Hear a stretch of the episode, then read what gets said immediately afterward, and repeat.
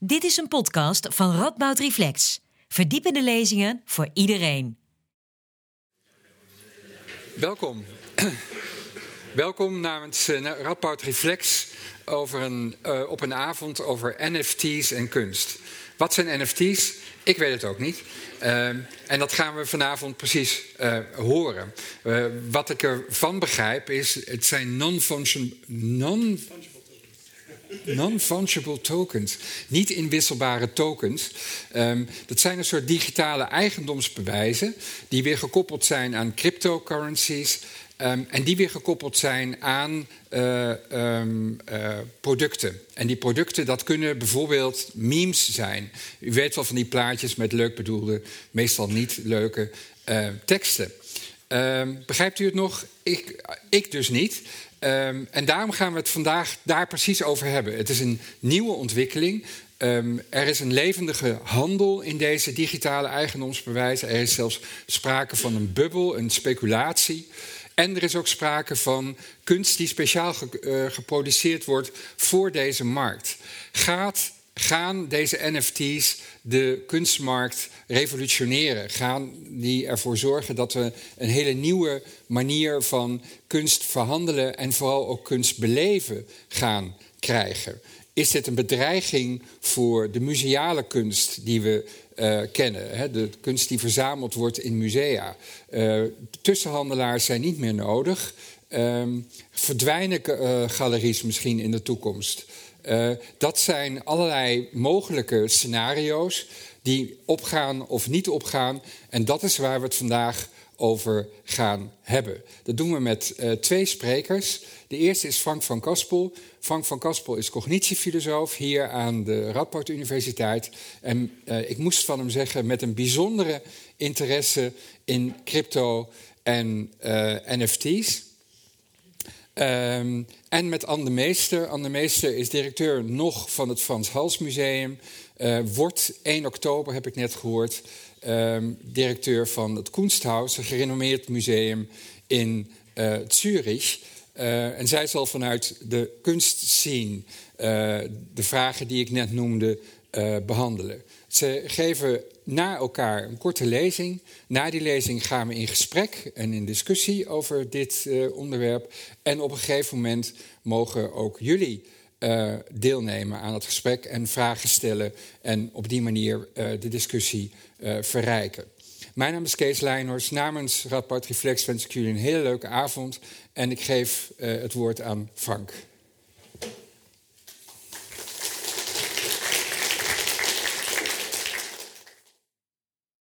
Zo, fijn dat u er bent, dames en heren.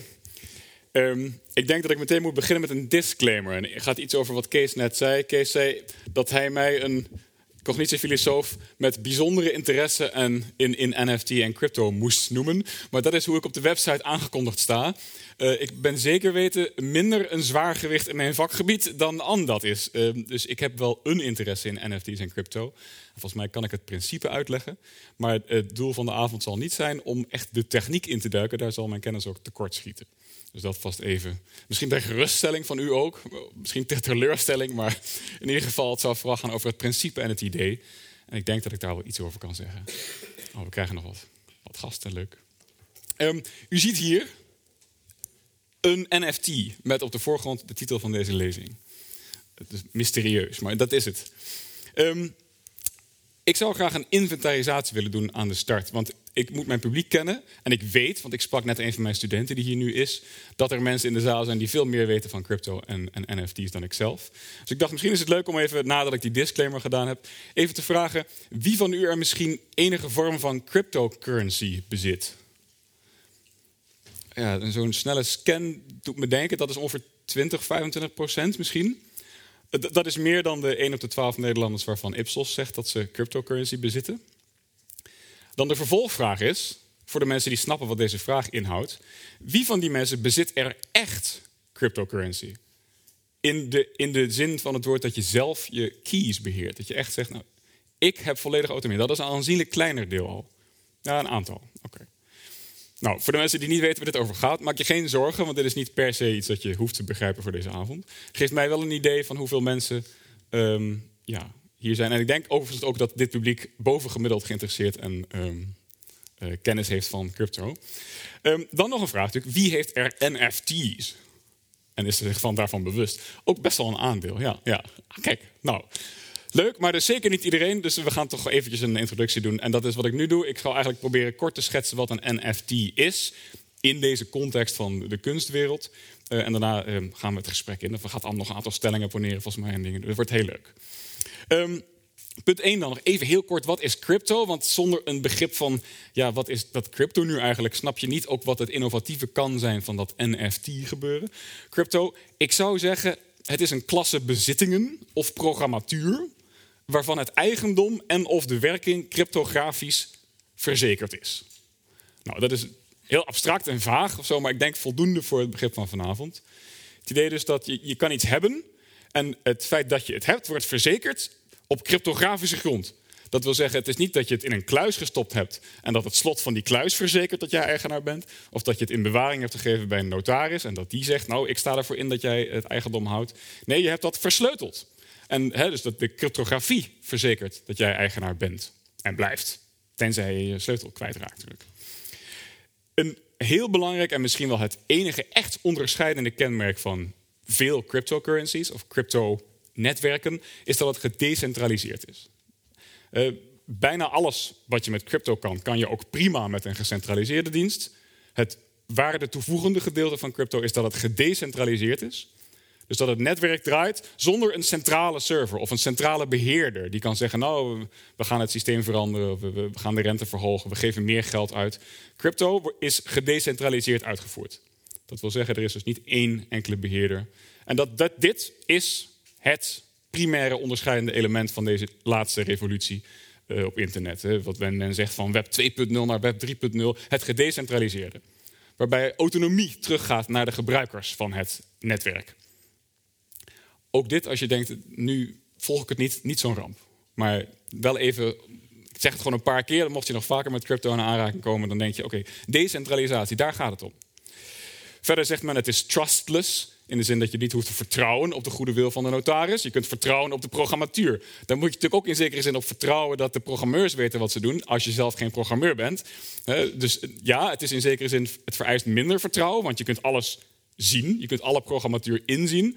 Maar ja, als er een bepaalde kennisbarrière is, dan, dan moet je toch ook maar een sprong in het diepe wagen. Dus trustless in die informatiezin van het woord.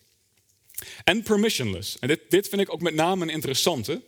Uh, permissionless betekent dat het voor de meeste blockchains die je kent, zo van naam, geldt dat iedereen eraan kan deelnemen. Het is dus niet zo dat iemand, uh, zoals vroeger op Facebook, jou een invite moet sturen om een account te mogen aanmaken. Of Gmail werkte ook zo.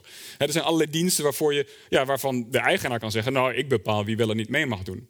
Uh, banken of overheden bepalen wie een bankrekening mag hebben, ja of nee.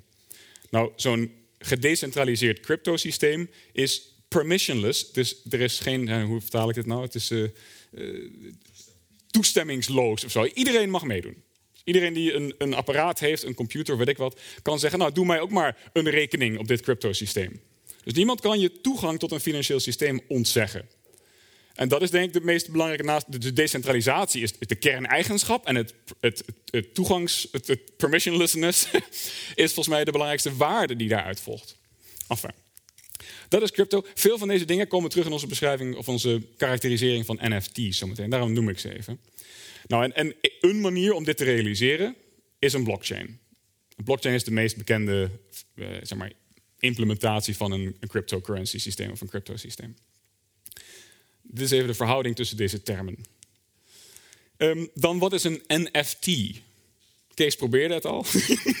Sorry. ja, precies, ja. Uh, eh, NF in NFT staat voor non-fungible. Um, ik, ik, dacht, ik ga het vertalen. En ik heb er dus inderdaad inwisselbaar versus... Kun je het zien? Het, is niet zien. Uh, aan de andere kant staat niet inwisselbaar. Ja. Um, om even een idee te geven, ik heb een, eh, een, een schaal gemaakt. Wat is nou het meest inwisselbare dat ik kon verzinnen? Misschien zijn er meerdere dingen, maar voelt u zich vrij om de exercitie mee te doen. Um, dit, is, dit moet voorstellen goudstof. Dus gewoon een zak met goudstof dat verder niet uh, interessant is van vorm. Het zijn gewoon, nou laten we maar zeggen voor het, voor het voorbeeld, goudmoleculen. En de ene goudmolecuul is inwisselbaar voor het andere. Als jij een goudmolecuul hebt en ik ook, en ik zeg, eh, mag ik de jou, dan mag jij de mijne. Zeg ja, prima, het, is gewoon een molecuul goud. En die zijn ja, inwisselbaar.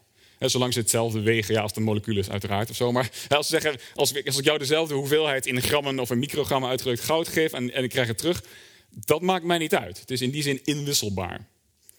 Voor een euro-muntstuk telt dat ook, in iets mindere mate. Maar als ik een euro heb en jij ook, en ik zeg, nou, zullen we ruilen? Ja, prima, inwisselbaar.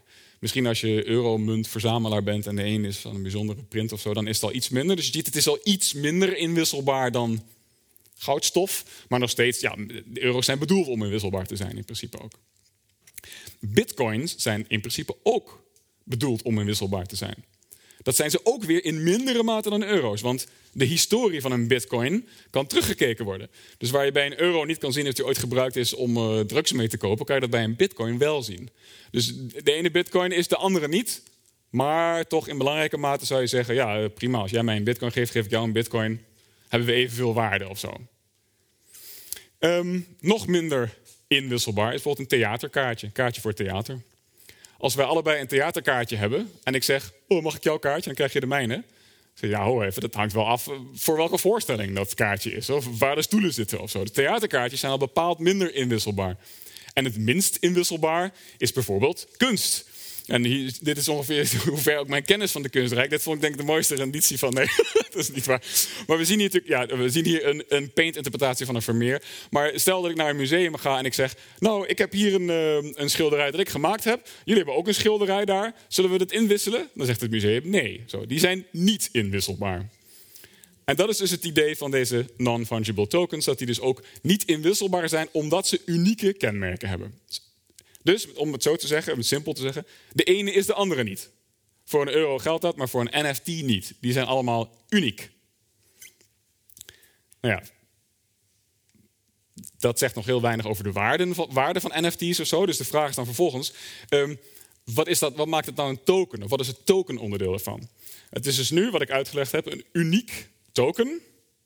Ik weet niet zo goed hoe ik token zou moeten vertalen trouwens. Er zijn allerlei Engelse vertalingen van. Maar heeft u daar heeft u een intuïtief idee bij? Een, een, we kennen ook het onderscheid tussen types en tokens misschien. Waarbij je dan kan zeggen, nou, een type is een klasse zoals u dat kent. Dus een, een verzameling.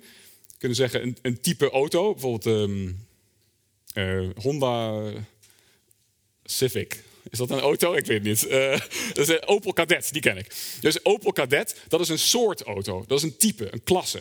En een token uit die klasse, dat is dan uh, de specifieke Opel Kadett waarmee ik hierheen ben gekomen. Dat zou ik niet doen, ik ben op de fiets gekomen natuurlijk gewoon. Ja. Maar een token is dus een, een singulier voorkomen van een element uit een verzameling. Ik weet niet of dit het makkelijker gemaakt heeft. Misschien wel niet. Een, een, een, token is gewoon, dit is een, dit is een token, een, een, een, enkel, een enkele uitvoering van het type klok bijvoorbeeld. Nou, en wat je op een blockchain kan doen, is dus tokens uitgeven, genereren. Je maakt losse eurotjes, je maakt Ethereum-muntjes, of noem maar op. Die tokens heb je. En sommige van die tokens zijn dus uniek. Dat zijn non-fungible tokens. Nou, nu zijn we ongeveer waar we moeten zijn qua uh, technische diepgang. Dus als u tot hier heeft gered, dan uh, zijn we. Uh, nou, kunt u de, vlag hijsen zo. Um, je bent eigenaar van zo'n NFT. Dus hoe kom je nou aan zo'n NFT? Wat betekent het om eigenaar van een NFT te zijn? En nou, als die met jouw crypto-adres geassocieerd is.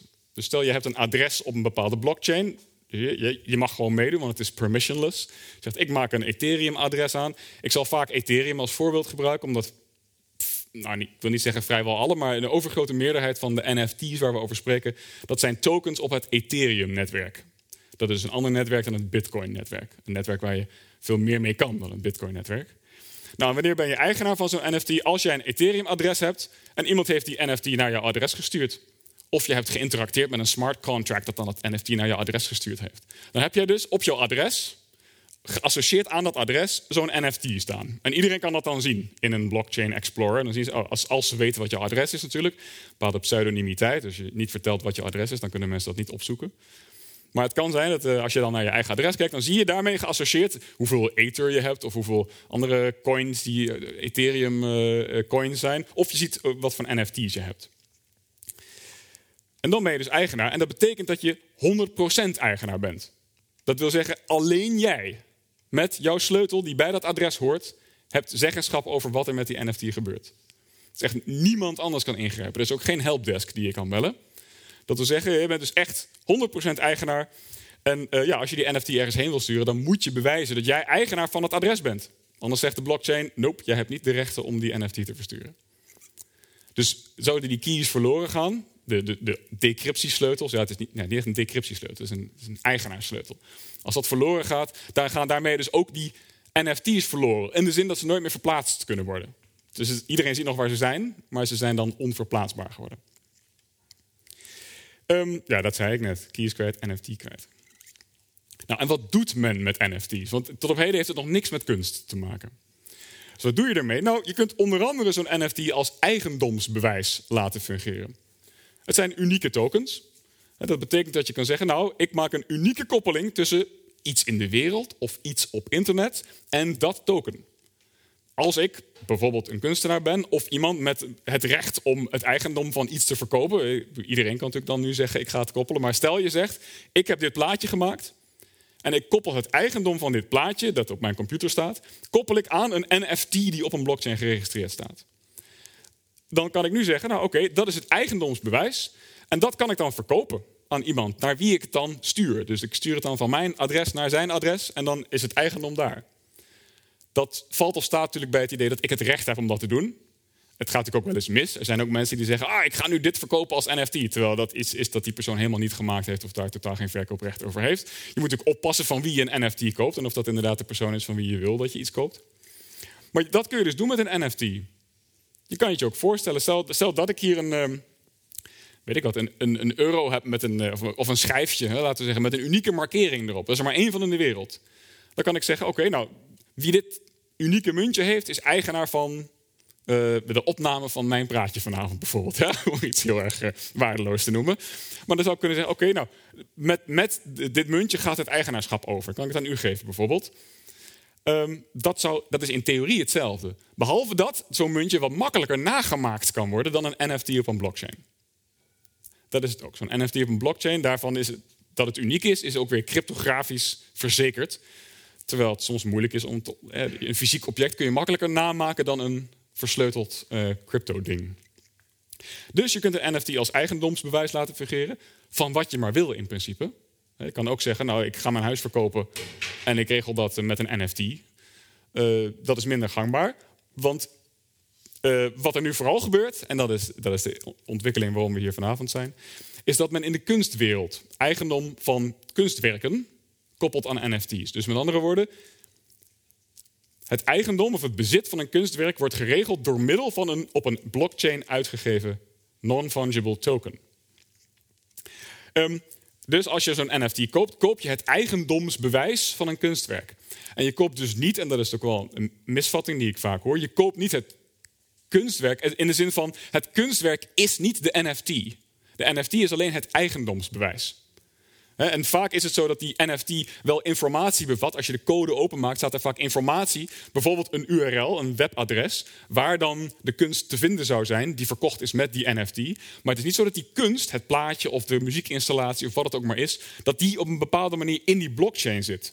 Dat zou helemaal niet passen. Die blockchain, daar kan helemaal geen data in. Ja, daar, kan, daar kan wel data in, maar Steven vertelde me net dat het echt dramatisch duur is om zoiets uh, te proberen. Inderdaad. Dus dat is het niet. Die NFT zelf, dat is alleen maar een muntje dat zich onderscheidt van anderen en waarin staat, oh, ik verwijs naar die URL waar die, dat kunstwerk staat of zo. Dus dat betekent ook dat die NFT, uh, eh, ja, die staat in feite ook los van het kunstwerk. En het kan ook zijn dat dat kunstwerk op een gegeven moment ook niet meer beschikbaar is op de locatie waar, het, waar, waar die NFT heen wijst. Het kan zijn dat de server waar dat kunstwerk gehost staat down gaat. En dan blijft die NFT wel lekker naar die URL wijzen, maar dan staat dan niks meer. Dan die, het dient dus puur als eigendomsbewijs. Nu had een vraag. Dat, dat kan dus verschillen. Eh, dus zo'n NFT is per definitie digitaal. En het verwijst naar iets waar dan de houder van die NFT eigenaar van is. En dat iets waar je eigenaar van bent, dat die NFT dan claimt, dat kan iets digitaals zijn, maar ook iets fysiek zijn. In de context van vanavond hebben we het vooral over digitale kunst. In de context van vanavond eh, is dat ook de interessante ontwikkeling. Want dat ga ik dan nu vertellen. Ik zet op mijn volgende slide. Uh, ja, dit zei ik eigenlijk al net. Hè, dus dat die NFT staat op de blockchain, maar die kunst die staat heel ergens anders. Uh, die kan ook in een huis staan ergens. Het kan iets fysiek zijn. Maar wat maakt een NFT dan nieuw? Wat is hier nou zo boeiend aan? Want we kenden al eigendomsbewijzen, toch? Ja. Ehm, nou ja, het maakt, een NFT is nieuw omdat het nu dus permissionless is. Iedereen kan ze uitgeven. Het is gedecentraliseerd. Het is trustless enzovoort. Dus het zijn sowieso wat nieuwe dingen. Wat ook ehm, de vraag, wat, dat ga ik dan nu. Wat is er nog meer interessant aan en waarom zijn we hier vanavond? Eigenlijk deze vraag. Wat, je kunt je misschien ook afvragen, maar je kon toch altijd al eigenaar van een digitaal plaatje zijn? Zo, als je vroeger vroeg van, uh, ja, Kees had over memes. Die vind ik dan wel grappig vaak. Hoe, wanneer ben je eigenaar van een meme? Wanneer zei je vroeger, ik heb die meme? Zei, nou ja, ik heb die meme, dat was, weet ik wat, ik heb hem gedownload op mijn telefoon of zo. Of ik heb hem op mijn computer staan. Dus op mijn harde schijf staat die meme. Dat is wat het betekent om een meme te hebben. NFT's maakt het mogelijk om op een andere manier over memes hebben na te denken. want zo'n meme, zo'n plaatje, is dus ook te kopiëren. Uh, er is geen zinvolle interpretatie van welke is nou de echte. Stel iemand zegt, kijk, dit is mijn meme, staat hier. Kijk maar, en ik post hem op Facebook. Maar iemand doet rechtermuisknop, opslaan als, slaat hem op zijn computer op. Nu heeft hij hem ook. En welke is nou het origineel? Er is geen zinvolle interpretatie van welke nou het origineel is. Als ze gewoon dezelfde data bevatten, ja, dan, dan maakt het niet uit. Dan zijn ze gewoon compleet identiek. Dus ja, wie heeft nou die meme? Een meme lijkt in een soort publiek bezit te zijn. Nou, en dit kan je nu dus wel gaan doen met die NFT's, dankzij blockchain. Dus wat je nu kan zeggen, ik als maker van een meme, iemand die het recht heeft om dit te zeggen, zegt: Ik ga het eigenaarschap van die meme koppelen aan een NFT die je van mij mag kopen. En dat zeg ik op mijn publiek. En dan kun je die meme kopen. Of, althans, je koopt dus niet de meme, je koopt het eigendomsbewijs. En opeens heb je dan een heel andere vorm van bezit van die meme. Het bezit van een meme, of het bezit van een plaatje, of wat het dan ook is. Het kan een filmpje zijn, het kan een, uh, een Google Maps locatie zijn. Nou, dat, ja, nee, dat, misschien als Google die gaat verkopen, of zoals NFT's. Um, dan zeg je dus, ik bezit die meme. En dat zeg je dan op een andere manier dan het plaatje staat op mijn harde schijf. Misschien staat het niet eens op je harde schijf. Je zegt dan, ik bezit die meme, want ik heb de ontwerper ervan of de eigenaar ervan betaald voor het eigendomsbewijs dat van mij is en dat staat daar. En dat kan niemand kopiëren. Niemand anders dan jij kan zeggen, oh, eh, ik kopieer die NFT naar mijn harde schijf. Dat werkt niet, dat kan niet. Dus je bent nu uniek, bewijsbaar, cryptografisch verzekerd eigenaar van een digitaal stukje medium. En dat is dus nieuw. Eh, dus wat kan er nu? Opeens is digitale media monetizable. Uh, jullie kennen vast ook wel sites zoals Patreon of zo, waar je als kunstenaar kan zeggen: Nou, ik maak kunst. Als je dat leuk vindt en je wilt toegang tot mijn kunst, dan kun je donateur worden bijvoorbeeld. En je betaalt elke maand een bedrag of eenmalig. En dan krijg je toegang tot mijn kunst. Maar ja, er hoeft maar één bad actor tussen te zitten. En die kopieert al jouw kunst en zet het op een publiek forum. En dan is al je kunst in het openbaar. Dus het is heel moeilijk om, om op een bepaalde manier geld te verdienen aan jouw kunst. Hoe, hoe, kun je dat nou doen? Je, anders dan door toegang te ontzeggen of zo. Of heel selectief te zijn met naar wie je het stuurt. Maar jullie kennen ook de uitdrukking: eenmaal online, het blijft online. Je kunt informatie niet van het web afhalen. Dus als jouw kunst eenmaal online verschenen is, ja, dat ga je er nooit meer afhalen. Dus hoe kun je dan ooit tegen iemand zeggen: ja, je moet nu betalen om het te downloaden op een computer? Nou, zegt diegene rechtermuisknop, opslaan als, zeg maar. Ja, dan dat defeats the purpose, zeg maar. Dus, maar wat nu dus wel kan, is dat je het wel als als auteur of als kunstenaar kan gaan monetizen. Te gelden kan maken, Nederlandse vertaling. Je kan het te gelden maken door te zeggen: ik ga, kijk, dat iedereen het kan zien en dat iedereen het kan downloaden is prima. Maar ik ga het eigendomsbewijs verkopen en dat kan niemand zomaar downloaden. Dat gaan we doen met een NFT. Dus iedereen, er komt nog een asterisk bij, maar iedereen kan een NFT verkopen en kopen. Omdat het een open, permissieloos systeem is, kan iedereen zeggen: Oké, ik ga een NFT uitgeven. En, uh, en, iedereen mag dat dan van mij kopen. En ik zeg, dat is het, eigenaar, of het eigendomsbewijs van mijn stukje kunst, digitale media, wat je ook maar noemt. Nou, dus dit soort dingen worden dan verkocht. Uh, dat zijn zowel nieuwe dingen, zoals die board apes. Dat is een soort, uh, ja, die zijn dan half procedureel gegenereerd volgens mij die zijn vooral gewild omdat ze zeldzaam zijn. Het is een van de eerste, na, na de crypto kitties en zo, werd dit een van de grote hypes. Er wordt er een aantal van gegenereerd en die kun je dan kopen. Maar wat je daar ziet, die, die twee voorbeelden links, dat zijn hele oude memes, of hele oude. Het zijn memes die al een tijdje bestonden. Misschien heb je ze wel eens voorbij zien komen. Heel herkenbare plaatjes, die feitelijk in het publieke domein zitten. Maar die Bad Luck Brian daar, die zijn imago omhelst heeft inmiddels, die zei op een gegeven moment op Twitter ik ga de Bad Luck Brian meme, dat is mijn foto, die ga ik nu verkopen als NFT. En dat kon hij eerst niet doen. Als hij zei, ja, ik ga dat plaatje verkopen, ja, hoezo dan? Ik heb hem al op mijn computer staan. nu zegt hij, ik ga het eigendomsverwijs verkopen. En dat kan iemand niet zomaar kopiëren. Dus opeens eh, heeft hij miljoenen verdiend aan dat plaatje. Eh, hetzelfde geldt voor de, die, die Neon Cat daar of zo. Uh, opeens zijn dus allerlei dingen die wij... Ja, ik zeg wij, ik weet niet of we allemaal van dezelfde generatie zijn... maar ik ben opgegroeid Met allerlei memes. En heel veel zijn heel herkenbaar voor mij. En ze, ze dragen een bepaalde waarde ook wel voor mij. Een bepaalde culturele waarde. Daar gaan we het zo meteen nog verder over hebben. En opeens is er dus op die culturele waarde ook een prijskaartje te drukken. En dat kan heel pervers overkomen. Um, het maakt ook dat er met een nieuwe ogen gekeken wordt. Um, enfin, daar gaan we het zo meteen over hebben. Dus dat kan er nu opeens. En ik zeg overigens wel iedereen, maar er is natuurlijk wel een technische barrière. Die is niet uitzonderlijk hoog. Maar als je geen idee hebt van NFT of weet ik wat, dan kan ik me voorstellen dat je zegt van, nou ja, ik, ik zie het wel verschijnen of zo. Um, je hoeft echt geen IT'er te zijn om een NFT te kopen. Ik zal aan het eind wel wat voorbeelden laten zien van websites waar dat kan. Daar maak je gewoon, zoals je dat gewend bent bij een webshop, een account aan en dan zeg je: Ik wil die NFT kopen. Je moet wellicht ook nog bij een crypto exchange wat cryptocurrency kopen om dat te sturen naar je wallet. En om vervolgens met die wallet te koppelen aan die website. En dan met die website die cryptocurrency te sturen. En dan kun je die transactie doen. Zo, ja, okay. Daar let we verder niet op. Dus er is een bepaalde technische barrière.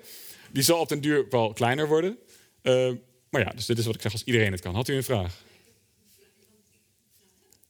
Wie wil zoiets nou hebben? Goeie vraag. Nou, daar gaan we het zo meteen een gesprek over hebben. Ik parkeer het nog even, ja. Maar ik zou, ja, ik, ik ja, oké, ja, enfin, ik heb er wel een antwoord op, ja. Wat is de eerste NFT dan? De eerste NFT? Ja, nee, van oh. dat plaatje. Maak je dan iets, wat, wat is dat? Nou, bijvoorbeeld deze Bad Luck Brian. Dat is dus een bestaand persoon. Die dacht op een gegeven moment, oké, nou wat ik dus kan doen, is een token genereren. Um, en dus wat hij gedaan heeft, om het even heel. Waarschijnlijk is het niet de specifieke methode, maar in abstracte termen heeft hij een Ethereum-adres aangemaakt. En hij heeft dan bij een smart contract een token gegenereerd dat uniek is. Vervolgens heeft hij gezegd: Dit token dat ik heb, staat voor het eigendom van deze meme. En het is alleen maar omdat mensen erkenden dat hij inderdaad Bad Luck Brian was, dat iemand dacht, oh, dat heeft waarde. Als ik dat had gedaan, als ik gezegd had, oh, ik ga de Bad Luck Brian meme verkopen, koop mijn token, maar dat staat voor het eigendomswet, dat, ja, dat hecht, niemand waarde aan. Zeg maar. Het is het feit dat hij het verkocht, dat mensen dachten, oh, dit is tof, de afgebeelde persoon verkoopt het.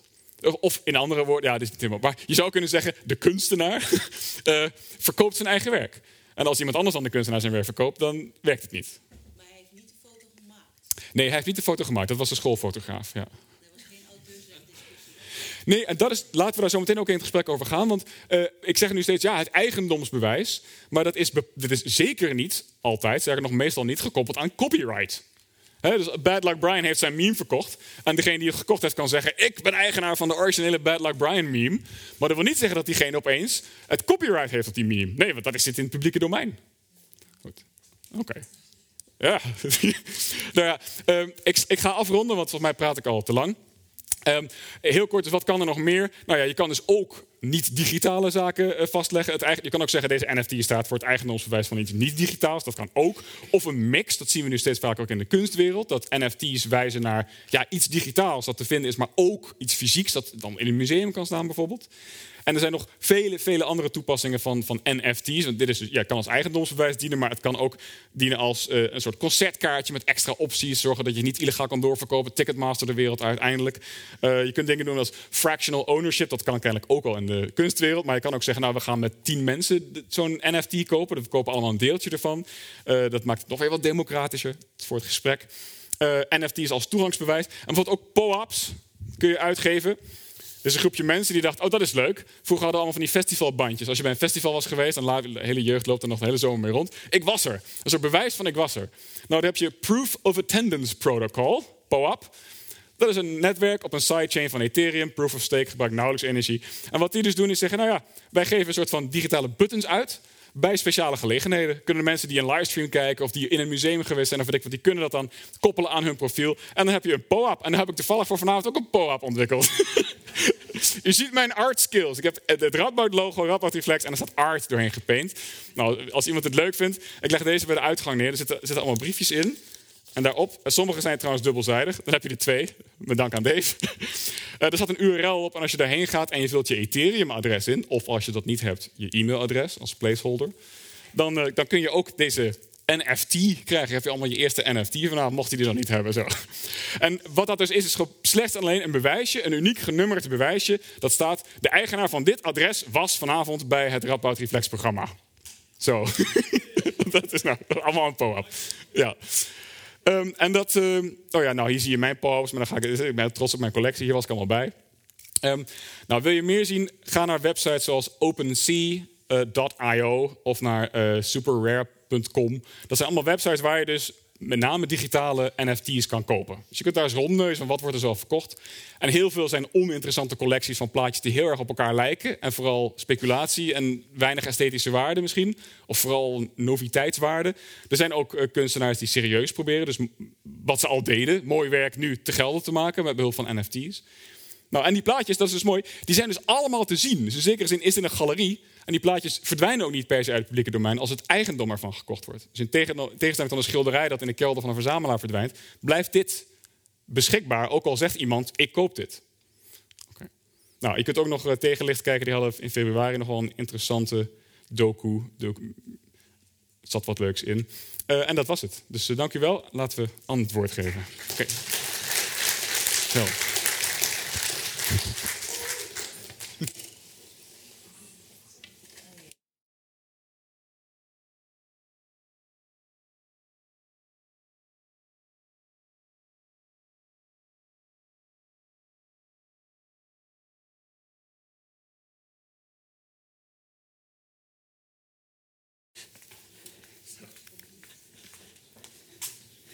Dankjewel Frank. Ik heb in elk geval veel van jou geleerd vanavond. Dat is ook mijn uh, stiekeme agenda om hierbij te zijn. Is om meer te leren over NFT's. Uh, goedenavond dames en heren. Ik werd gevraagd of ik aan deze avond wou deelnemen. En mijn eerste disclaimer was ook meteen... ja, maar ik weet eigenlijk heel weinig van NFT's. Ik moet er net nog veel over leren. Het museum waar ik naartoe ga, Kunsthaus Zurich, heeft diezelfde attitude. Die organiseren nu binnen uh, volgende maand een reeks workshops voor bezoekers over de theorie en praktijk van NFT's. En host ook een conferentie op 12 juni over de betekenis van NFT's. Daar ga ik ook allemaal heen. Dus van mij hoeft u vanavond niks te verwachten qua inhoudelijke kennis over NFT's. Maar ik wil wel een aantal aspecten aanraken van hoe NFT's eigenlijk beïnvloeden, het, klassieke museum beïnvloeden. Of welke vragen of interesses daar uh, leven. Heel generaliserend gesteld. Want ik ben natuurlijk maar één museumdirecteur van één museum. En ik kan niet spreken voor een wereldwijd netwerk. Maar wel een aantal tendensen uh, misschien um, aankaarten. En he heel grofweg generaliserend gezegd denk ik dat er in de in de museale wereld nu een viertal reacties zijn op NFT's. De meest courante is sceptisch. En die sceptisch heeft uh, misschien te maken met het gevoel dat je territorium wordt bedreigd, maar vooral met het, uh, de angst voor flipping. En het fenomeen flipping kennen jullie waarschijnlijk, of misschien uit de kunsthandel. Flipping is een vorm van verzamelen die niet gericht is op verzamelen, maar op winstmaximalisatie. Dat betekent dat het werk zo snel mogelijk weer op de markt wordt gegooid met een zo groot mogelijke winstmarge. En wat ook betekent uh, dat eigenlijk de kunstenaar, de maker, geen benefits heeft van dat flippen. In de traditionele kunstwereld, als er objecten worden verkocht of conceptuele kunstwerken uh, via veilingen en galeries, uh, via veilingen, en want daar is het, dat is het platform voor flipping, heeft de kunstenaar alleen een soort volgrecht. Dat is, als ik het goed heb, een heel klein percentage. Maar de maximale winst komt bij de tijdelijke eigenaar terecht. Dus ik denk de sceptisch tegenover NFT's binnen de klassieke museumwereld heeft heel veel te maken met een angst voor flipping in de digitale wereld. En van, ook NFT's zijn gewoon een speculatieconstructie. Dat is één van de angsten. En denk een tweede is gewoon onkunde. Heel veel museumdirecteuren en curatoren weten net zoals ik heel weinig van NFT's. Snappen het nog niet. Weten niet precies hoe ze er kunnen mee omgaan. En dan kan een reactie zijn gewoon afweer. Denk, heeft niks met ons te maken, allemaal nieuwerwetse bullshit. Hè? Van kleren van de keizer, doen we niet aan mee. Of een soort openheid van, oké, wij moeten dit ook leren. Hè? Wij moeten begrijpen wat het eigenlijk is. En we moeten meer kennis hierover ontwikkelen. En een, een vierde type reactie die je vaker ziet zijn bij de hele grote musea, zoals de British Museum, de Hermitage. Uh, die denken, aha, nieuwe mogelijkheid om eigen inkomsten te werven. He, van, we weten, we, we, zijn aan zich niet per se geïnteresseerd in welke nieuwe wending uh, NFT's kunnen geven aan kunst, maar we zien er een nieuwe inkomstenbron. Die zijn dan redelijk beperkt. Volgens mij had het Uffizi met het verkoop uh, van een NFT van een Michelangelo 170.000 euro verdiend, US dollar. Dat, ja, dat is aan de matige kant. De Hermitage had in totaal 440.000 US dollar opgehaald met NFT's verbonden aan Monet, Kandinsky en Van Gogh. Dat zijn geen wereldbedragen, maar dat is eigenlijk een hele primaire, soort bijna primitieve impuls van: oké, het is er, laten we er geld mee verdienen. Daar heb ik zelf moeite mee, want het gaat eigenlijk ook in tegen een beweging die de afgelopen tien jaar de museale wereld heeft gekenmerkt. Dat wij namelijk net beelden auteursrechten vrij willen geven aan het publiek. Uh, sommigen onder u zijn oud genoeg om zich te herinneren dat een dertigtal jaar geleden kon je niet zomaar een plaatje van een Vermeer vrij gebruiken als, als private gebruiker. Uh, dat was, daar, daar zaten auteursrechten op vanuit het museum. Ook al was het auteursrecht van Vermeer natuurlijk al lang verstreken. En er is net een democratiseringsbeweging gaande in museumland. Bijna geen enkel museum legt nog beperkingen op aan de distributie van afbeeldingen, reproducties, digitale afbeelding van werk dat in hun bezit is voor private gebruikers. Wel voor commercieel gebruik en corporate gebruik, niet voor private gebruikers. Dus ik denk, ja, die NFT's verkopen van meesterwerken gaat er lijnrecht tegen in. Gaat tegen de democratiseringsbehoeften van musea in op het vlak van beelddistributie. En een vierde mogelijke reactie, die vind ik zelf heel interessant, is uh, de NFT gebruiken als een vorm van bonding. Uh, ik heb maar één voorbeeld kunnen vinden voorlopig, er zijn er vast meer. Dat is het National Museum in Liverpool die dacht: Oké, NFT's, interessant nieuw medium. Wij gaan dat niet gebruiken voor winstmaximalisatie, maar eigenlijk om onze bezoekers emotioneel nog sterker aan ons te binden. Ze hebben uh, uh, bezoekers de mogelijkheid gegeven van kies je favoriete beeld uit de collectie. En als jij, ik weet niet precies hoe de constructie in elkaar zat, maar dan kon je eigenlijk een NFT van jouw favoriete beeld winnen. Dit was eigenlijk bedoeld als een manier om emotionele hechte band te scheppen tussen het museum en de bezoeker door middel van die NFT. Want plotseling bezat jij als enige een NFT van een meesterwerk uit de National Gallery in Liverpool. Je had er niet eens hoeven voor te betalen. Dus dat was het tegenovergestelde van wat de British Museum en de Hermitage deed. Van niet uit op eigen winst, maar eigenlijk uit op uh, emotionele verbinding. Dit een beetje vooraf van hoe musea vaak reageren op NFT's, generaliserend gesteld. Even kijken. Oh ja, ik moet daar kijken. Misschien straks, dit is gewoon overwegingen, preliminair voor straks ons gesprek, waar ik vooral naar uitkijk en ook het gesprek met jullie. Uh, als we het straks over waarde hebben, denk ik dat we een heel groot onderscheid moeten maken tussen waarde aan de ene kant en betekenis en relevantie aan de andere kant. Van wat is iets waard en wat betekent iets? En is het ook relevant en actueel? En als we het over waarde hebben binnen de kunstwereld, kun je heel rudimentair een onderscheid maken tussen financiële waarde, misschien intrinsiek cultuur-historische waarde. Heel moeilijk begrip in een tijd van decanonisering. Want we zijn nu als musea hebben we aan de ene kant een kanon van meesterwerken. Aan de andere kant beseffen dat is eigenlijk heel willekeurig. Dat is een één bepaald verhaal. Terwijl er eindeloos veel verhalen van het verschillende geografische, etnische perspectieven te vertellen valt over de kunst.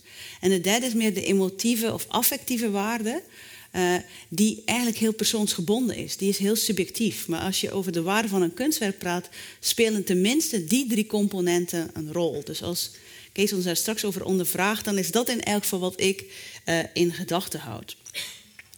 En vervolgens heb ik voor jullie een viertal stellingen, of misschien wel vragen, uh, of, of, constateringen die volgens mij bepalen hoe musea tegenover NFT's aankijken. En de eerste is dat de grens tussen wat echt is en wat reproductie is ook voortdurend verschuift binnen de beeldende kunst. Want ik denk, uh, Frank die legt heel goed uit, NFT gaat eigenlijk niet om of het beeld uniek is, maar gaat om het eigendomsbewijs. Van, jij hebt het unieke eigendomsbewijs van een beeld. Maar dat moet je verbinden aan hoe eigenlijk binnen, binnen het museale bestel wordt nagedacht over wat is nu echt en wat is van wie en wat is reproductie. En daar zie je telkens weer veranderingen in. Het is al lang niet meer zo dat musea denken dat het enige echte unieke kunstwerk het object is dat zij bezitten. Daar wordt heel breed over gedacht. En ik heb een aantal voorbeelden uit verschillende tijdperken. De eerste is uh, André Malraux en het Imaginaire Museum. André Malraux was een soort ja, het soort type mens dat je nu eigenlijk niet meer vindt. Of ik ken ze nou van niet. Hij was en politicus, en schrijver, en filosoof, en kunsthistoricus, en tentoonstellingsmaker. Eh, een beetje homo universalis. En ook blijkbaar nog een ongelofelijke dandy en ijdel en zelfingenomen.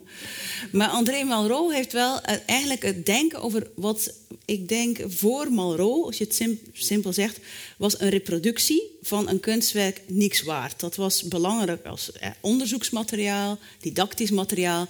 Want dat was niet, dat was een reproductie. Dat was niet het echte ding. En Malraux heeft dat eigenlijk doen exploderen. Toen hij in 1976 een boek uitbracht, Le Musée Imaginaire. En dat ging over het feit dat van, ja, eigenlijk kunnen wij, alle musea hebben bepaalde kunstwerken. En die kun je dan als bezoeker zien als je dat museum bezoekt. Maar eigenlijk bezitten wij met elkaar de hele kunst van de hele wereld. Want je kunt van alles een fotografische reproductie maken. En iedereen kan over die fotografische reproducties beschikken. Dat was in zijn tijd niet waar. Maar, en hij zei dus van, je kunt gewoon een hele grote... Je kunt op een heel andere manier omgaan met die museale beelden. Je hoeft helemaal niet naar het museum en te kijken hoe een curator dat ophangt. Dat kan ik zelf doen. Ik kan mijn hele... Hij had dan ook een enorm groot huis, dat moest je dan hebben. Mijn hele huis vol leggen met afbeeldingen van Egyptische kunst, Mesopotamische kunst, eh 17e-eeuwse Hollandse kunst, Arabische kalligrafie, eh, Botticelli, noem maar wat, Niki de Saint-Val. En ik heb daar een soort beschikking over. Ik kan daarmee spelen, ik kan daarmee een nieuwe collectieopstelling maken. Want die reproductie is eigenlijk even waardevol als het echte ding. Ehm, hij was daarin niet geheel origineel, want hij ontleende eigenlijk zijn ideeën ook van Abby Warburg, die in, een kunsthistoricus die in de jaren twintig al heel erg met dat idee van reproductie speelde. Een andere benadering eh, is die van eh, David Hockney, schilder die u misschien kent. Onlangs nog een grote tentoonstelling in eh, het Van Gogh Museum. Of ja, onlangs, alles voor corona noem ik onlangs, maar dat is dan al ruim drie jaar geleden. En David Hockney die nam deel aan eh, de National Gallery in Londen. Die heeft een hele consequente reeks waarbij ze kunstenaars uitnodigen om, om de collectie oude meesters te herschikken en daar hun eigen werk aan toe te voegen. En ik denk, dat het in de jaren 70, even teruggaan naar mijn overzicht. Ja, in 1981 was David Hockney aan de beurt. En hij zei toen eigenlijk, ja, goh, ik, ik, eh, ik, ga die, ik heb vier unieke schilderijen geselecteerd. Die gaan we ophangen in de National Gallery. Maar eigenlijk wil ik het liefste een, een boekje maken met postkaarten erin. Want ik ben er heilig van overtuigd dat de reproductie op een postkaart van een kunstwerk even betekenisvol is als het originele werk. Als die reproductie goed is. Want het voordeel van zo'n postkaart is, die kun je overal mee naartoe nemen. Die kun je aan de keukenwand hangen, naast je bed, in de badkamer, in de wc. Het heeft een soort nabijheid dat een schilderij niet heeft. En je kunt er dus een emotionele band mee opbouwen. En dat is het belangrijkste bij het appreciëren van een kunstwerk, is dat je een emotionele band kunt uh, opbouwen.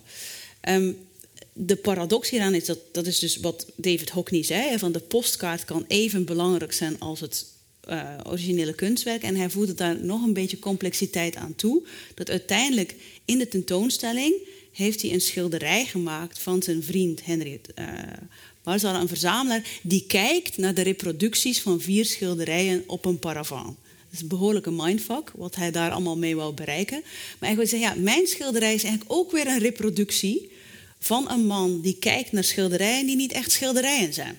Dus hij wou gewoon alles op losse schroeven zetten. Van het echte ding en de reproductie, misschien is dat wel gelijkwaardig. En een derde misschien beweging zijn al die de mensen die ik noem zijn eigenlijk een soort symbool voor een beweging of voor iets dat een verschuiving in onze ervaring van het verschil tussen het echte en de reproductie. Een ander voorbeeld is Mark Leckey, geweldige Britse kunstenaar, die in, uh, sowieso in zijn werk heel veel beelden recycleert. Misschien een werk dat jullie zouden kunnen kennen, misschien is het Fiorucci Made Me Hardcore. Uh, hij, hij, maakt heel vaak collages van bestaande beelden. En hij werd toen gevraagd door Nottingham Contemporary om zelf ook een tentoonstelling te maken. Met ander werk, met historisch werk en zijn eigen werk. En hij ging daar, ik vond het een onvoorstelbare tentoonstelling, want hij gooide gewoon alles door elkaar. Echte waardevolle objecten uit musea, gewoon plastic voorwerpen uit zijn eigen omgeving, uh, reproducties van memes, uh, prints van grote kunstwerken, een stofzuiger, uh, van een, een, een, een, meme op een videoscreen. Dus bij hem wordt alles, alle onderscheiden tussen een echt beeld en een nepbeeld, tussen een reproductie en, iets, en, en een authentiek schilderij tussen iets dat hoge cultuur was en populaire cultuur, werd volledig door elkaar gegooid. Dus die tentoonstelling, die tentoonstelling was je aan de ene kant continu op zoek, ja, maar wat is dit eigenlijk? Is dit een 3D-print van een bestaande sculptuur? Een bestaande boeddhistische sculptuur uit de derde eeuw voor Christus in Thailand? Of is dit het echte ding? Is dit nu een video door hem gemaakt of is dit een meme? Maar het was een geweldige ervaring, omdat hij eigenlijk daarmee aangaf van ja, who cares? Als een beeldje interesseert, maakt het dan uit wat het is? Maakt het dan uit wat de status ervan is? En ik denk dat de, hele discussie over NFT's, dit soort gesprekken over wat is nu een echt beeld, wat is een reproductie, wat is een simulacrum, wat is waardevol, wat is hoogcultuur, wat is laagcultuur, opnieuw op een soort heel erg op scherp zet. We moeten daar weer op een andere manier gaan over nadenken. NFT's dwingen ons, ook al zijn ze dus geen nieuwe unieke beelden, hun eigendomsconstructie dwingt ons om daar anders over na te denken. Een tweede punt. Ik heb vier tot vijf punten. En ik kijk naar Dave, want Dave zal me net zoals Frank een beetje moeten opjutten op een bepaald punt. Uh, ik denk een van de dingen die heel vaak wordt genoemd uh, uh, bij wat, is een, wat is een voordeel van een NFT, is de democratisering van het aankoopproces. Hè, van, en dan vooral denk ik van de makers- of kunstenaarskant. Het is inderdaad zo, als je de tussenpersonen uitschakelt en de kunstenaar kan direct verdienen aan de verkoop van zijn werk, zonder dat hij zij of hun een percentage moet afdragen aan een galerie of aan een dealer of aan een veilingshuis, dan is dat een vorm van emancipatie. De kunstenaar heeft meer autonomie en meer beschikking over zijn of haar of hun eigen werk. Uh, er wordt echter ook vaak gezegd dat het een emancipatie is van de koper, hè, van dat kunst dan democratischer wordt. En, en die zie ik eerlijk gezegd niet, want reproducties van kunstwerken zijn zoals gezegd digitale reproductie nu vaak heel vrij beschikbaar. Uh, er zijn nog weinig musea die daar uh, copyright op uitoefenen.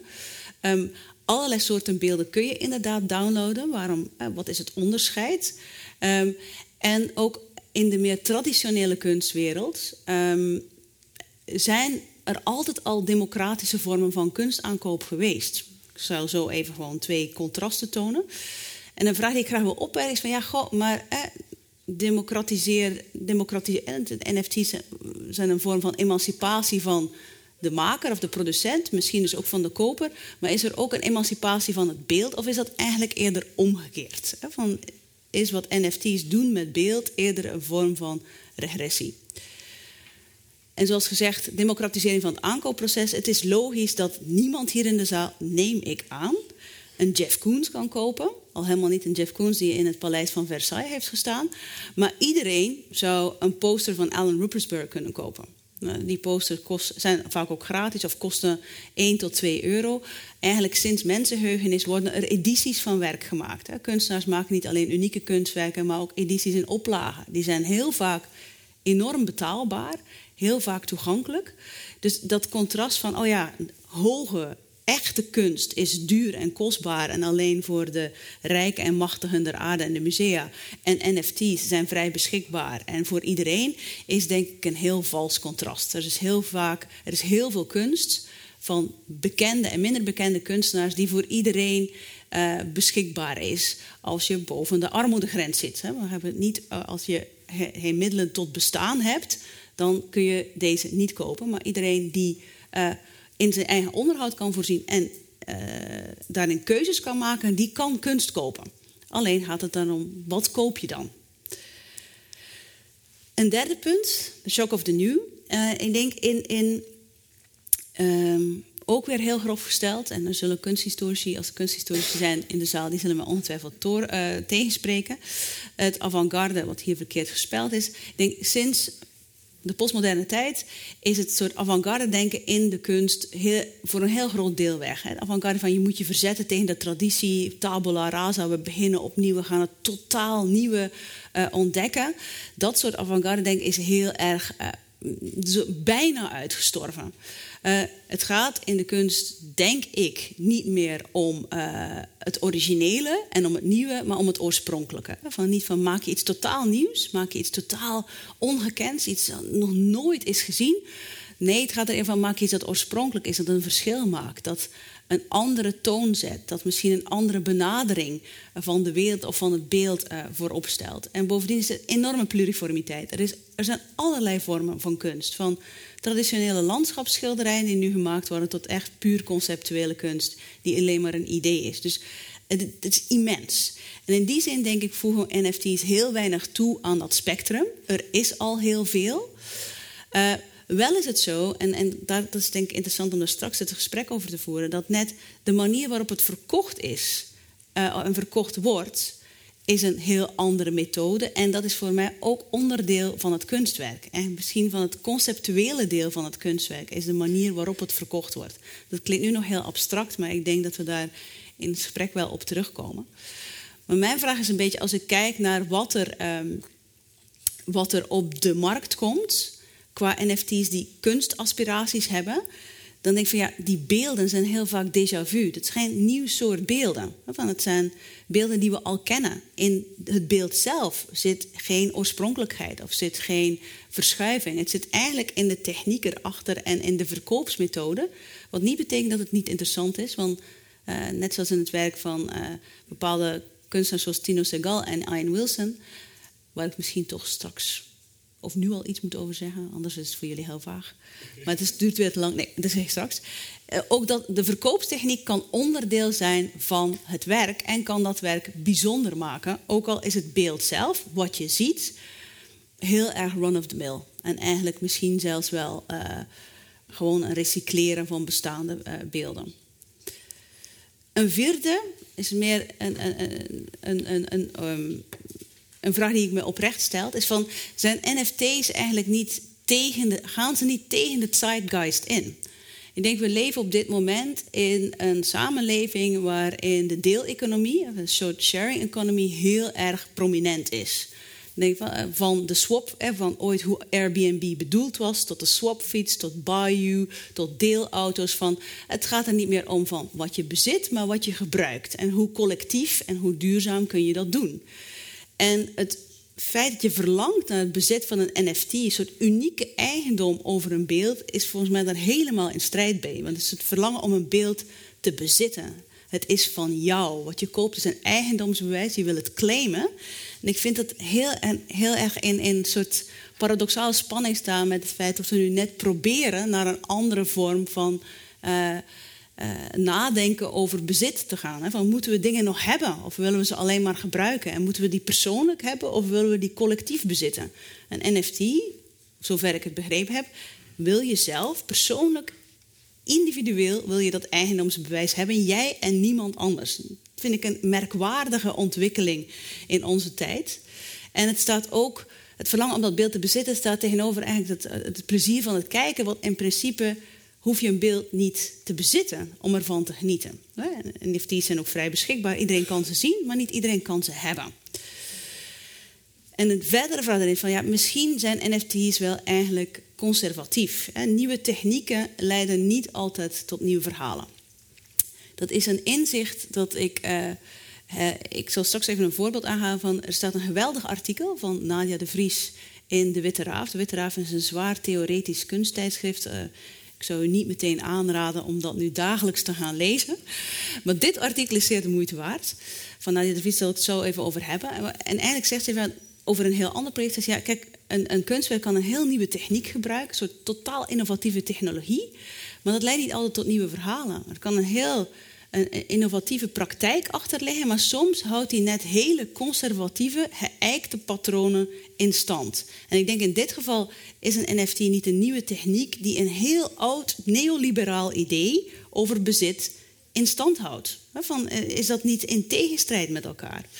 En om een beetje duidelijk te van wat ik daarmee bedoel, is een parallel verhaal. Dit is geen NFT, wel digitale kunst de Anne Lee Project. En dit wordt uitvoerig beschreven door Nadia de Vries in het artikel in de Witte Raaf in mei-juni. Uh, de Anne Lee Project was een project van twee kunstenaars, Philippe Pareno en Pierre Huyghe, die um, de rechten hebben gekocht op een Japanse manga-figuur, Anne Lee. En Anne Lee uh, was een figuur zonder al te veel karakteristieken. Ze was eigenlijk een soort achtergrondfiguur, zonder specifieke identiteit, zonder specifieke accessoires, zonder specifieke kenmerken. En hun verlangen met het kopen van Anne Lee was eigenlijk om haar meer persoonlijkheid te geven. We gaan haar samen met andere kunstenaars, we geven haar aan andere kunstenaars. We maken allemaal nieuwe verhalen om haar. Ze krijgt een rol in allerlei kunstwerken en daardoor krijgt ze een persoonlijkheid. Daardoor wordt ze in plaats van een soort generieke manga-figuur, wordt ze eigenlijk wordt ze iemand. En dat hebben ze een aantal jaar lang gedaan. Ze hebben allerlei bevriende en niet bevriende kunstenaars gevraagd van maak een kunstwerk met Anne Lee. Van, dat waren video's, dat waren prints, dat waren uh, online games. Uh, op allerlei manieren werd Anne Lee tot leven geroepen. Maar ze kwamen er geleidelijk aan achter van... wow, dit is eigenlijk het tegenovergestelde van uh, wat we willen. Want Anne Lee werd niet iemand met specifieke karakteristieken. Ze werd meer een soort gemeengoed. Ze werd een collectief bezit. Ze werd een soort digitaal lichaam... dat iedereen naar believen kon aanpassen. En ze, ze zegt, ja, goh, shit, eigenlijk zal ze nooit een volwaardig leven krijgen... als dat telkens weer door iedereen wordt gereproduceerd. Dus we moeten dit project een andere wending geven... Uh, hun oplossing was: de rechten van het copyright op Anne Lee werden aan Anne Lee zelf overgedragen via een notariële akte. En dat is een soort catch-22. Dus Anne Lee, die niet bestaat, werd eigendom van zichzelf. Maar daardoor kon ze zichzelf natuurlijk nooit meer reproduceren. Dus ze werd autonomer. Ze kreeg een soort eigen, ja, hoe zeg je dat, uh, zeggenschap over haar eigen leven. Maar omdat ze een digitaal iets was, kon ze dat natuurlijk nooit uitoefenen. Dus was eigenlijk daarmee werd ze, kreeg ze een soort agency, maar ze was ook dood. En het hele project is, er zijn ontelbare scripties over geschreven, misschien omwille van al die complexiteiten. En Nadia de Vries die voegt daar volgens mij nog één iets aan toe wat relevant is voor vandaag. Ze zegt ja, kijk, eigenlijk aan die uh, het hele project heeft heel veel interessante ins en outs, heel veel problematische aspecten. Maar één daarvan is ook dat het is een typisch voorbeeld van uh, wat theoretica Heather Warren Crow uh, the girl image noemt. Dat is niet van mij, ik, citeer gewoon Nadia de Vries. Ze zegt ja, en de girl image dat is eigenlijk een beeld dat gekenmerkt wordt door plooibaarheid en inschikkelijkheid. Zoals een beschikbaar meisje past ze zich helemaal aan aan de verlangens van de bezoeker of de gebruiker. Soort infantiel, afhankelijk beeld, onvast beeld, dat gemaakt is voor uitbuiting. Dat er eigenlijk voor gemaakt is dat iedereen het gewoon kan misbruiken zoals ze het willen. En, zei ja, en Anne Lee, dat was bedoeld om eigenlijk een, een, digitale figuur te emanciperen, om die een soort menselijk leven te geven, maar eigenlijk werd dat een digitale prostituee, die door iedereen werd misbruikt. En dus mijn vraag is ook een beetje van, ja, goh, eh, NFT's leiden tot misschien emancipatie van de maker en producent, maar zorgen er niet voor dat ieder beeld een soort girl image wordt. Iets wat volledig misbruikt en gemanipuleerd kan worden, wat eigenlijk geen eigen waarde meer heeft. Dus een stelling die we straks kunnen bediscussiëren. Ik zeg niet dat, ik, dat het waar is of dat ik gelijk heb, maar ik vind het een interessante gedachtegang. Omdat eigenlijk het beeld bij de NFT aan zich hoeft niet interessant te zijn. Het is het eigendomsbewijs dat interessant is.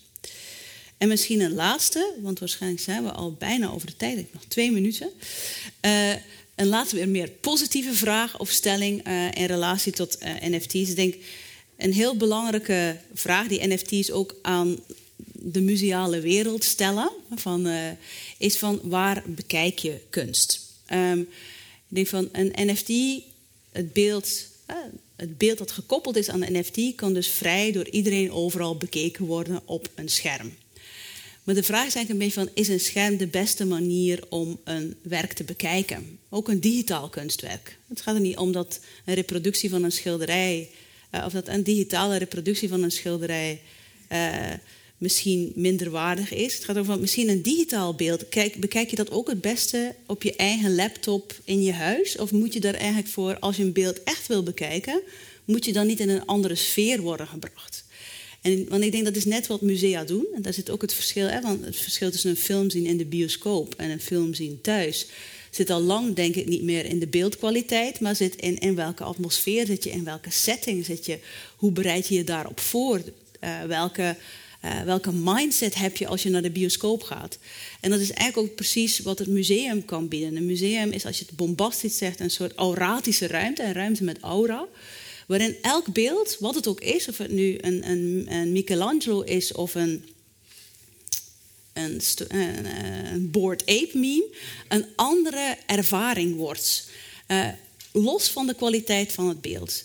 En dat heeft te maken met misschien met de, de, eh, het feit dat het museum nog steeds een soort tempel is, maar vooral ook dat je je daarop moet voorbereiden. Je gaat niet in je pyjama naar het museum, je klikt niet ergens op en je moet een soort mentaal proces door. Je gaat ergens heen en dat betekent dat je anders gaat kijken. Uh, en bovendien dat je vaak dat kijken samen doet met andere mensen. Ook als jij alleen naar het museum gaat, er zijn andere mensen in de ruimte waar je wel of niet een gesprek mee voert. Of je gaat met iemand. Dus ik denk dat die NFT's stellen ook weer die vraag, ook wat digitale kunst betreft, in de meer algemene zin van. Is het museum de meest geschikte ruimte daarvoor? En als het dat niet is, wat is het dan wel? Want gewoon louter op je eigen individuele scherm kun je volgens mij nooit goed naar een beeld kijken, omdat je niet uh, in een bepaalde mindset zit. Ja, hier nog het voorbeelden van uh, de auratische ruimte van het museum. En hier ook, zelfs NFT's. dit was een, recente presentatie in het Bass Museum in Miami. Die eigenlijk heel vaak, het is een niet bekend museum, doen heel vaak spannende dingen, niet alleen met NFT's. Dit beeld heb ik uit een, voor de leek een heel interessant artikel in Trouw van journalist Mirre Morskate die zelf ook niet zo heel veel weet van NFT's, op onderzoek uitgaat. Waarbij haar voornaamste vraag eigenlijk is van niet hoe worden NFT's getoond, wat ik hier net aan, maar hoe kun je ook van een digitaal kunstwerk houden? Kun je eigenlijk een gevoel ontwikkelen bij een NFT? Uh, en dat artikel is zeer aanbevelenswaard, want die vraag beantwoordt ze niet. Maar ze stipt wel heel veel, nog meer vragen aan dan ik nu doe. Over van, oh ja, of je nu voor of tegen NFT's bent, wel of niet geïnteresseerd. Of je het nu wel of niet bepaalde NFT's beschouwt als kunst. Ze stellen ons hele essentiële vragen over het kijken naar allerlei soort beelden. En dan vind ik zelf, hè, want zonder conclusie, maar ik denk dat NFT's ons aanmoedigen binnen en buiten de museale sector om veel beter na te denken van hoe kijk ik naar een beeld, hoe consumeer ik een beeld, hoe ervaar ik een beeld en waarom zou ik een beeld eigenlijk überhaupt willen bezitten.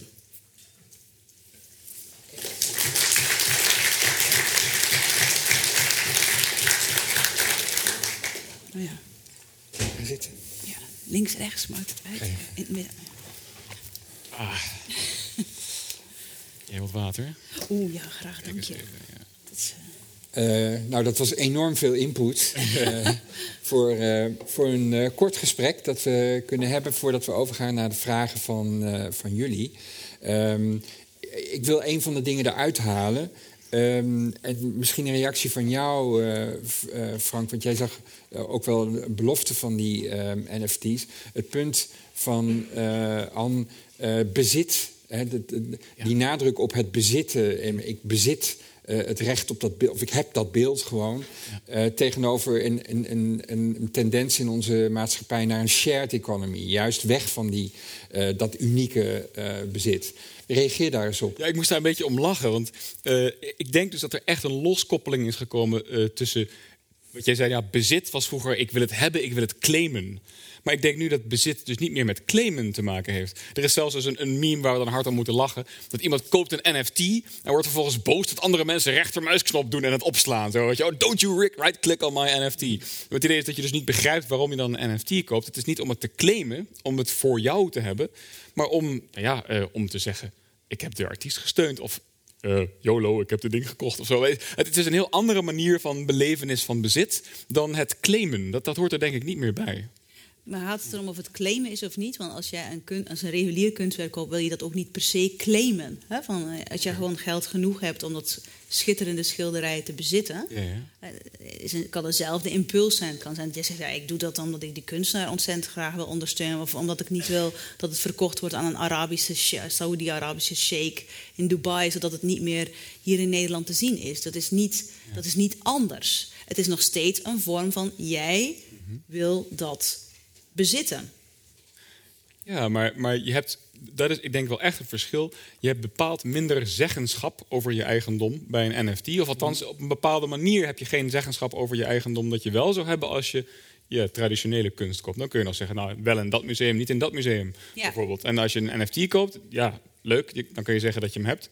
Ja. Um, maar daar houdt het niet op. Ja. Wat voegt dat dan precies toe? Wat, wat... Waarom, waarom, waarom zou je het dan willen hebben? Ik, ik, ik voel hier een collectief. Ik heb nog wel een aanvulling. Ik Ja, ja go. Oké, nou oké, maar je had het over een emotionele band met, met kunst, zeg maar. Ik, ik voel toch wel, niet- ik wil niet een soort meme-adept eh, claimen te zijn, maar ik voel wel een bepaalde emotionele band met, ja, toch plaatjes of uitingen die ik vaak voorbij heb zien komen. Rage comics waar ik om gelachen, gelachen heb of noem maar op, zeg maar. En om dat te kunnen zeggen van, nou, dat is toch een stukje historie eh, waar ik op een bepaalde manier eigenaar van ben. Dat, dat vind ik meerwaarde hebben. En wat ik net liet zien met die POAPs, die kleine buttentjes van, nou, ik was erbij, zeg maar. Het is idioot hoe hard je daarvoor valt. Oh, ik zit de hele dag op Discord te wachten tot er weer een livestream is. En een nieuwe POAP in mijn collectie, zeg maar. Ik heb een enorme, het is nog erger dan Flippo's vroeger. Dus ik, ik, ik krijg wel echt een emotionele band met die, met die unieke stukjes. Mijn unieke collectie, zeg maar. Ja. Nee, nee, ik, ben- ik probeer oprecht te... te- Je, je moet het nog verwerken, Anne. Ja, ik probeer het te begrijpen, want ik denk dat dat misschien inderdaad de grootste vraag is van is, is het waarom. Hè? Want dat is Ja. ook, ook bij het traditionele verzamelen hebben va- vaak mensen van ja, maar waarom moet je dat hebben als je het in een Ja. museum kunt zien? Of waarom zou je per se, dat is een discussie die ik vaak voerde ook met. eh, ik was directeur van een kunstcentrum in Amsterdam, de Appel. En we hadden een opleiding voor jonge curatoren. En we natuurlijk als experiment, samen met een aantal commerciele galeries, een opleiding gestart voor jonge galeristen. Eh, dat was een wereldwijd netwerk. En een van die jonge galeristen die werd op een avond heel kwaad op mij en zei: Ja, ik begrijp niet waarom curatoren, mensen die dus in de kunst werken, die kopen zelf nauwelijks kunst. Het irriteert me zo, hij, ik begrijp er helemaal niks van. Waarom niet? En ik zei, ja, ah, wij, bedoel, wij verdienen helemaal niet zoveel. Ik weet niet wat je denkt, maar dat is in tegenspraak met mijn eigen uitspraak Ja. Ik zei, en ja, ook omdat we niet zo per se vinden dat we iets moeten hebben om het, eh, om het te kunnen ervaren. En het derde is misschien een, een complexere van ja, als je een kunstenaar koopt, vind, vind ik eigenlijk dat je hem ook moet tonen in het publieke circuit. Je kunt zeggen, ook vind jou leuk werk om thuis te hebben, maar toch niet museumwaardig. En dan zitten we, oké, dat laatste argument, dat begrijp ik, maar één, iedereen kan kunst kopen. En twee, zegt hij van ja, het is ook een vorm van support. Van, het is een vorm van de kunstenaar ondersteunen. En het is een vorm van laten zien dat je het belangrijk vindt, ook in je private sfeer. Dus ik probeer daar de parallel te leggen van, oh ja, is dat, is dat het ook? Is het ook een vorm van support? Nee, dat kan het zeker ook zijn. Kijk, als het gaat om ja, het verkoop van oude memes of zo, of dat soort board apes, ja, dat, daar zitten allemaal rijke mensen achter inmiddels. Maar er zijn zeker ook mensen dus die, die al jarenlang werk maken, die nu opeens zeggen: hé, hey, nu kan ik het opeens te koop aanbieden. Mensen die dus echt met, op, op een, op een shoestring budget altijd geleefd hebben. En heel veel fans hadden. Die fans kunnen nu dus opeens zeggen: nou, fantastisch, ik, ik koop jouw werk en ik toon Ja. daarmee support. En misschien nog een, een- ja, misschien is het een bijzaak, maar misschien ook niet. Je had het over royalties bij doorverkoop. Hè, je had, eh, flipping is dat toch een beetje, een- ja, ik snap dat is nadelig. Maar wat dus bij NFT's kan, is dat ook weer programmatuurmatisch geregeld wordt. Dat bij elke doorverkoop er royalties naar de artiest gaan. Dus het is, Ja, het is en substantieel. en is- substantieel. Ja, ja. Dus eh, dat, dat kan, ik, ik denk dus dat deze vorm van eigendomsverkoop, wel- je hebt gelijk, dat heeft, het is niet een nieuwe vorm van kunst, het is slechts een nieuwe vorm van het aanbieden ervan, maar dat dat wel mogelijk maakt dat kunstenaars meer betaald krijgen en dat tegelijkertijd bezit niet eh, afsluiting betekent. En dat je Ja. zegt al, dat doet het deels niet ook, want musea zijn ook... Nee, want ik denk dat dat was mijn, misschien mijn andere punt van ja, je hebt natuurlijk allerlei vormen van eh, conceptuele kunst die al ko- verkocht en gekocht worden, die ook niet datzelfde gevoel van bezit zijn. hè. Van, je hebt, eh, sinds de jaren zestig heb je kunstenaars die ideeën verkopen en die, bezit, die heb je dan ook niet in huis hangen. hè. Van, denk aan Ian Wilson, bekende kunstenaar, die eigenlijk altijd eigendomsbewijzen verkoopt van gesprekken die je met hem hebt gehad. Dan kun je een gesprek met hem kopen. En dat gesprek is alleen tussen jou en hem. En wat je uiteindelijk krijgt is het eigendomsbewijs van het gesprek. Maar daar staat niet in waar het gesprek over ging. Dus dat, dat gesprek is dan wel heel erg van jou, want je hebt het individueel beleefd, maar is ook weer helemaal niet van jou. En het, eh, dus er is een heel. Dat, dat soort transacties waarbij immateriële dingen worden verhandeld op een alternatieve manier, bestaat ook al langere tijd in de kunstwereld. Of een voorbeeld dat ik tijdens ons etentje aanhaalde. Misschien kennen jullie Tino Segal, eh, een Duitse kunstenaar, komt eigenlijk uit de theaterwereld. Had ook een, een, een tentoonstelling in het stedelijk, denk ik tien jaar geleden. Doet heel vaak performances in de openbare ruimte van het museum die redelijk onzichtbaar zijn. Kan plotseling iemand beginnen dansen of iemand begint een gesprek met je. Allemaal eigenlijk niet heel, eh, ja, persoonlijk word ik niet wild van dat deel van zijn werk, de live performance. Maar ik vind het super fascinerend hoe hij de verkoop van dat werk heeft georganiseerd en echt georchestreerd. Hij heeft gezegd, en dat maakt het uniek. Hij zei van, deze performances die kun je dus als, uh, kun je alleen maar, kun je, je krijgt geen contract. Je, je krijgt geen factuur. Uh, je krijgt geen, er moet eigenlijk een, er moet een anonieme banktransactie plaatsvinden naar mijn account zonder vermelding van waarom. En de hele beschrijving ook van de performance, als je die koopt, die is alleen maar mondeling. Dus die wordt alleen maar overgedragen via een soort orale traditie en via het geheugen, dus niks op papier. En dat betekent dat zowel voor particulieren als voor musea die het willen kopen, dit een hele uitdaging wordt. Want wat koop je nu eigenlijk?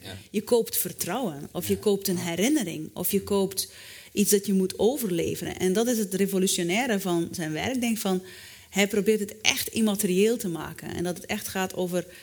Uh, dat je gaat nadenken van wat koop ik nu eigenlijk? Valt dit wel te vertrouwen? Laat ik me hier nu naaien? Of wat, wat koop ik een ervaring? Dus ik denk ook dat aspect van niet om alles te diminishen, maar ook in de reguliere kunsthandel zitten al dit soort werken of principes vervlochten, waarin op een andere manier over eigenaarschap en transactie en uh, wordt nagedacht. Ik denk dat het een hele goede parallel is. He, omdat het is zeker ook zo dat sommige NFT's gewoon verkocht worden voor het feit dat het een NFT is. Van goh, een van de eerste die er zijn of zo. Er zijn vast ook gevallen van NFT's die verkocht zijn door iemand die dat helemaal niet mocht. Hè. Dus bad luck Brian uh, Faker zegt ik verkoop die.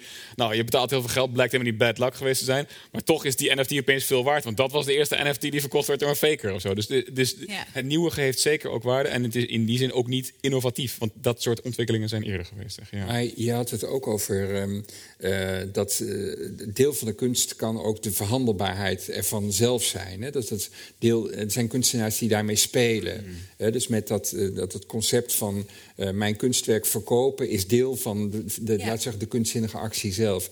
Dus zou je daar nog iets, nog iets meer over kunnen zeggen wat, wat NFT's daarvoor zouden kunnen betekenen? Dat, dat, dat weet ik niet. Ik bedoel meer, eigenlijk zo, zoals bij Stino Segal is dat ongetwijfeld is dat het geval. Mm -hmm. En ik denk dat, de, ja, ik ben benieuwd hoe zich dat verder ontwikkelt. Want nu, denk ik inderdaad wat Frank zegt, van nu is het vooral ook, eh, vind ik het geweldig dat kunstenaars aan bijvoorbeeld, eh, Nederlandse kunstenaar die al heel lang bezig is met het produceren van digitale kunst, Jan-Robert Leegte, van, die kan nu eindelijk inderdaad door NFT's uh, gewoon, ik weet niet of hij al kan leven van zijn werk, want het is echt een revolutie. Want daarvoor, ah, het werk was redelijk moeilijk te tonen. Heel veel mensen waren geïnteresseerd, maar hoe toon je het überhaupt? En, en er een markt voor vinden was al helemaal een, een, een bijna onmogelijke opgave. En NFT's faciliteren dat. Dus in het, in het stimuleren eigenlijk van de autonomie van kunstenaars mm -hmm. is dit in elk geval een hele belangrijke stap. Toch vind ik het moeilijk te begrijpen dat je straks ben je de directeur van een, groot en prestigieus gerenommeerd museum in, uh, in Europa met een vaste collectie. Uh, ik, ik, begrijp, er is ook een deel van mij dat niet begrijpt wat, wat je fascinatie voor die. Want is, zijn die NFT's niet een bedreiging voor dat idee van het museum, zeg maar? Dat denk ik niet. Ik geloof heel erg in parallele systemen. Want ik denk, kijk, het museum was ooit de enige omgeving waarin je kunst beleefde. En mhm. de ultieme. Dat zijn we al lang niet meer. Nee. van, uh, dus ik zie het absoluut niet als een bedreiging. En ik denk dat ook als, als, musea, als, als kunstmuseum ben je geïnteresseerd in welke nieuwe beeldvormen er ontstaan. En welke nieuwe manieren om met dat beeld om te gaan. Dus uh, ik, ja, ik kan het niet als een bedreiging zien. Ik vraag me wel af, moeten wij zelf NFT's kopen? En dat is een vraag die ik niet heel kan beantwoorden. Want uh, om dat te doen, denk ik, moet je niet alleen geïnteresseerd zijn in het mechanisme erachter, maar ook in wat het beeld is. Mm -hmm. En, uh, dan, en dan moet je ook weer nieuwe criteria ontwikkelen. Hoe gaan we dat beoordelen? Want een digitaal kunstwerk is nog iets anders dan een NFT kopen. Er wordt vaak en volop digitale kunst gekocht, wat mm -hmm. niet evident is. Mm -hmm. Uh, maar daar hebben we al mechanismen voor ontwikkeld als museum. Maar als je zegt van ja, wij vinden eigenlijk dat we sowieso NFT's al moeten verzamelen als cultureel fenomeen. Als een nieuwe vorm van beeld, productie, consumptie en verkoop ja, wat ga je dan verzamelen? Wat wel, wat niet, waarom? Dus je moet eigenlijk weer een heel nieuw uh, raamwerk daarvoor opstellen, waarmee je je keuzes, ook al is het maar gewoon voor jezelf, verantwoordt. Mm Heb je advies voor Anne? Nou ja, ik vind het heel lastig. Ik bedoel, ja, heel veel NFT's die nu voorbij komen, die, die zullen eh, totaal verdwijnen. Eh, Maar veel zullen ook een stukje internethistorie blijven. En ehm, misschien wil ik nog aanhaken op wat je zei over de beleving van kunst in een museum. Dat die toch heel anders kan zijn dan op je scherm. Ehm, want het, veel van die beelden die verkocht worden nu, die, da- dat zijn beelden waar veel mensen toch een emotionele band mee hebben. En ik denk, ja, ik ben dat gewend om op mijn telefoontje te zien of het scherm of zo. Maar een collectie in een museum van, laten we zeggen, de, de duurste NFT's die het afgelopen jaar verkocht zijn. Of althans de beelden die daarmee verkocht zijn. Maar dan in een enorme reproductie. Ik, Een enorme rage comic en daar hangt de Bad Luck Brian. Zeg maar. Dat lijkt me fantastisch om dat soort beelden mee te maken op zo'n manier. Of zo. Dus ik, ik denk dat musea van alles kunnen en misschien ook wel ja, als je een publiek van een bepaalde generatie wilt trekken, dat, dat lijkt mij aanlokkelijk. Ja. maar dan stel je het fenomeen tentoon. Ja, precies. Ja. De NFT zelf. exact. Dus Ja. of, of, en of, me- of een museum dus überhaupt nog kunst hoeft, of moet kopen, is dan nog maar de vraag, als het voor zover het gaat om NFT-kunst. Ja. Zeg maar. Want ja, als dat publiek beschikbaar is, waarom zou je het kopen als museum? Zeker als er een hit, hete markt is die er toch al allemaal Ja. geld in rond aan het pompen is. Ja. Eh, grote dank aan eh, Frank en Anne voor hun inleidingen voor de discussie. Een groot applaus dus. Please clap.